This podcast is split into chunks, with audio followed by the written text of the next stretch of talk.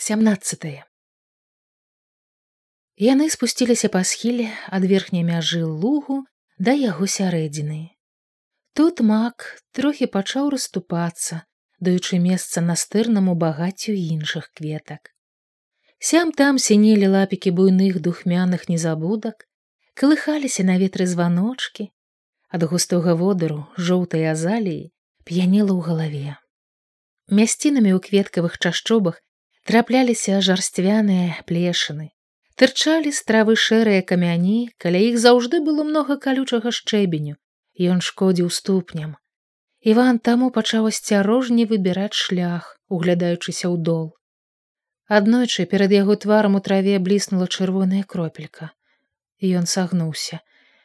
Між зубчастых лісточкаў ырдзела некалькі налітых сокам буйных сунічын толькі ён сарваў іх як перад вачыма замільгалі яшчэ чырвоныя зорачкі.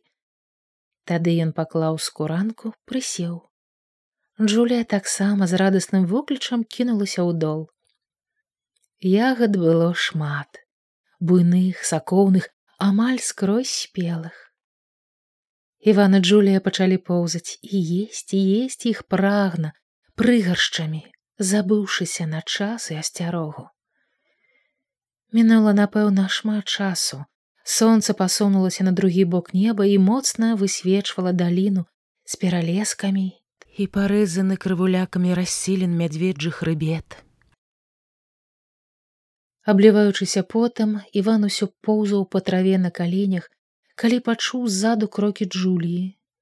Хлопец азірнуўся, павярнуўся і, выціраючы з лба пот, сеў тоючы ў заркастых вачах лагодную смешку дзяўчына хуценька падышла да яго опусцілася на калені і разгарнула ражок свае курткі.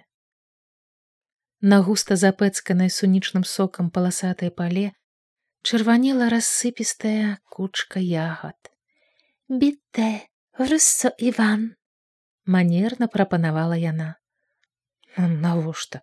Я ўжо наеўся но Ну, а я вся эсэн. Яна зачэрпнула рукой ягад і ледзьве не сілком прымусіла яго з'есці. Потым з'ела трохі сама і зноў паднесла жменю да яго нагарота.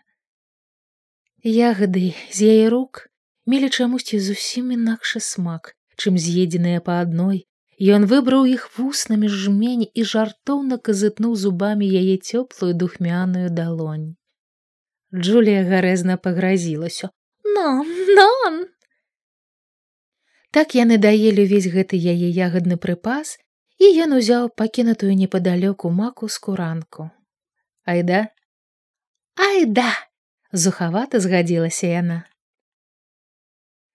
Задаволеныя і неяк пабліжэлыя адно да аднаго, яны зноў пайшлі ўніз. Джулія даверліва паклала руку на яго плячо. Суніца гэта добра, сказаў ён, парушаючы сцішаную, добрую, але трошкі чамусьці няёмкую маўклівасць. Я да вайны не адно лета імі харчаваўся.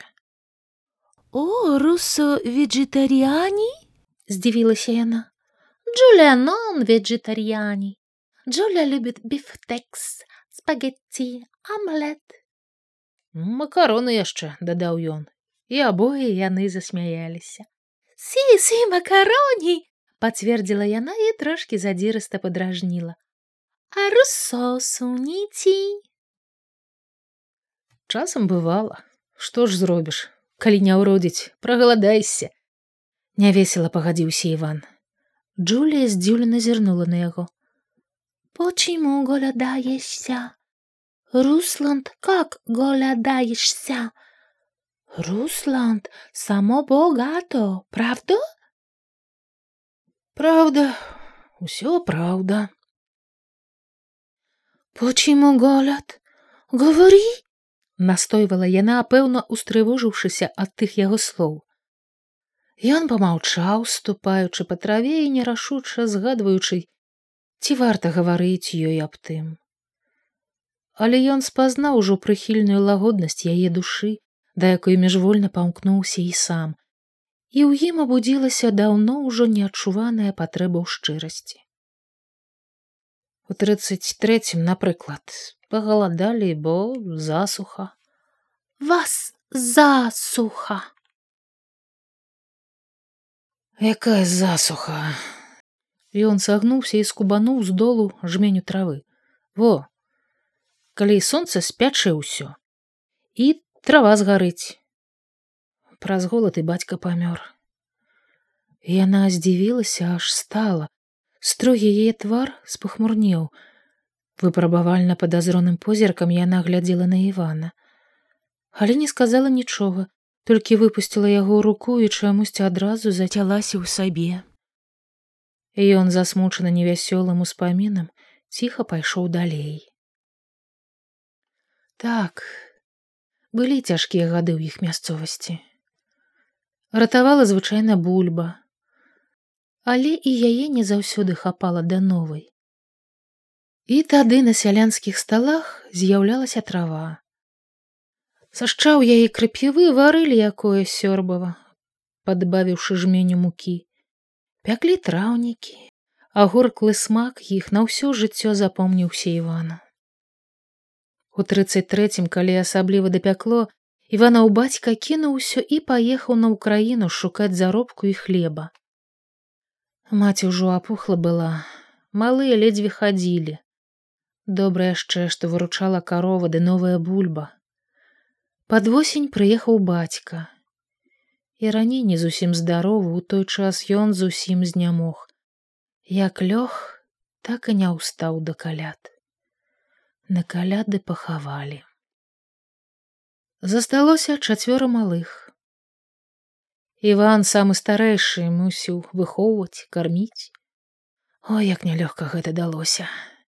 Усё гэта было балючаю праўдай яго жыцця толькі як пра яе раскажаш Ён задуменна ішоў пазіраючы ў дол дзе мільгалі ў траве шызыя яе калодкі і паціху варушыліся плылі на хадзе два кароткія цені Джулія пачала аднак адставаць калодкі падаліся назад ён адчуў нейкую перамену ў яе настроі але не азірнуўся і сібірь біль пляхой кольхозбіль з яўным выклікам у раптоўна пастудзянелых вачах азвалася ззаду дзяўчына ён спыніўся і уважліва паглядзеў на яе хто табе сказаў один плохой руссо сказал ти хочешь сказал я знал я ти говори нічога я не хачу что я табе скажу ну говори джулия ну правда джулия ошибка Твар яе стаў злосны вочы востра блішчалі уся яе нядаўная прыхільнасць да яго знікла і ён напружна стараўся зразумець прычыну гэтай яе перамены таксама як сэнс яе вельмі непрыемных пытанняў но говори говори Відаць, сапраўды яна нешта ўжо чула, можа ў лагера, можа яшчэ ў рыме. Але ён цяпер не мог пацвердзіць яе здагадак, ён ужо шкадаваў, што ўспомніў пра голад. Біль несправядлівост, упарта дапытвалася дзяўчына. Якая несправядлівасць? Пра што ты гаворыш? Невінні людзі Сібір гналь? Ён выпрабавальна ўгледзеўся ў яе калючыя вочы і зразумеў, што трэба або сказаць праўду або выдумляць якую адмысловую хлусню. Толькі хлусіць ён не ўмеў. І каб адразу спыніць гэтую прыкрасць між імі, няласкава кінуў. Як раскулачвалі, гналі. Джулія пакутна закусіла вусны. Нам правда, Раптам крыкнула яна і нібы ударыла яго позіркам. Столькі ў яе вачах было болю, крыўды і самая непрыкрытай варожасці. Нон, правда, нон!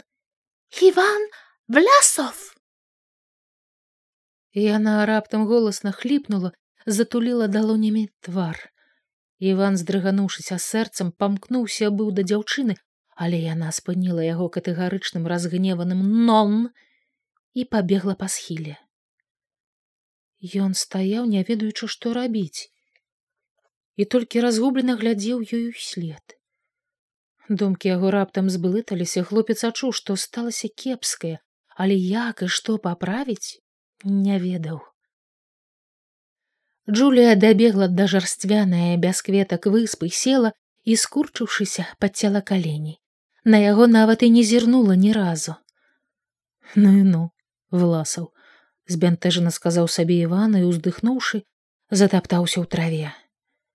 Здалося, ён сапраўды нарабіў кепскага. Недарэчна гэтак парушыў трудна наладжаную і патрэбную ўжо яму чалавечую прыхільнасць яе. Ад усведамлення таго ўсё ў ім заныла. Разам асела нядаўняя ціхая радасць, і на душы стала вельмі адзінока. Ну, ведама ж, яна нешта ўжо чула з таго, што рабілася ў ягонай краіне ў перадваенныя гады. Можа, зусім і не так, як гэта было на самай справе. Толькі як растлумачыць усё, каб яна зразумела. Ён ніколі ў жыцці не расказваў нічога пра тыя страшныя гады нават свайму чалавеку, не той, што чужаземцу. Так было лепей. Зноў жа, свае не горш за яго ведалі ўсё. Нікога такія навіны не маглі здзівіць. Праўда, у палоне часам здаралася, што хлопцы заводзілі размову аб мінулым. Але перад людзьмі з другіх краін адно толькі хваліліся храством прыроды, выгодамі свайго дабрабыту. Гэта было зразумела. Каму не карціць выглядаць лепей, чым ёсць на самай справе, Каму не баліць душа за сваё роднае. Але Іван у такіх размовах звычайна маўчаў. Хваліцца ён не ўмеў. А капацца ў тым трудным, што адбывалася некалі ў краіне, проста не хацеў. Сам яшчэ шмат чаго не разумеючы. Перакідваючы з пляча на плячо скуранку, хлопец таптаўся ў траве. Патыліцу і плечы моцна пякло сонца, а ён, колькі не думаў, Усё не мог зразумець, што паміж імі сталася і ў чым тут яго віна. Вядома, пра голад лепей бы прамаўчаць, а наконт яе нядобрых здагадак, дык мусіць, трэба было б настойлівей паспрабаваць пераканаць дзяўчыну ў справядлівасці нашага жыцця. Хоць і вельмі гэта няпроста было растлумачыць ёй, якая барацьба ішла ў той час на яго зямлі. Але мусіць, трэба было б паспрабаваць тое. Інакш дужа ўжо крыўдна губляць яе давер і павагу да яго. Можа, не грэх было б дзей схлусіць, толькі толькі невыразна яшчэ адчуваў Іван, што справа была тут не ў ім. За ягонай спіной стаял нешта вельмі агромністае, усялякае круцельства, перад якім выглядала агідай. Ну, але вось чакай цяпер, хто ведае чаго. Можна было сабе ўявіць, як прыняла б Джулія яго праўду, выкладзеную па шчырасці.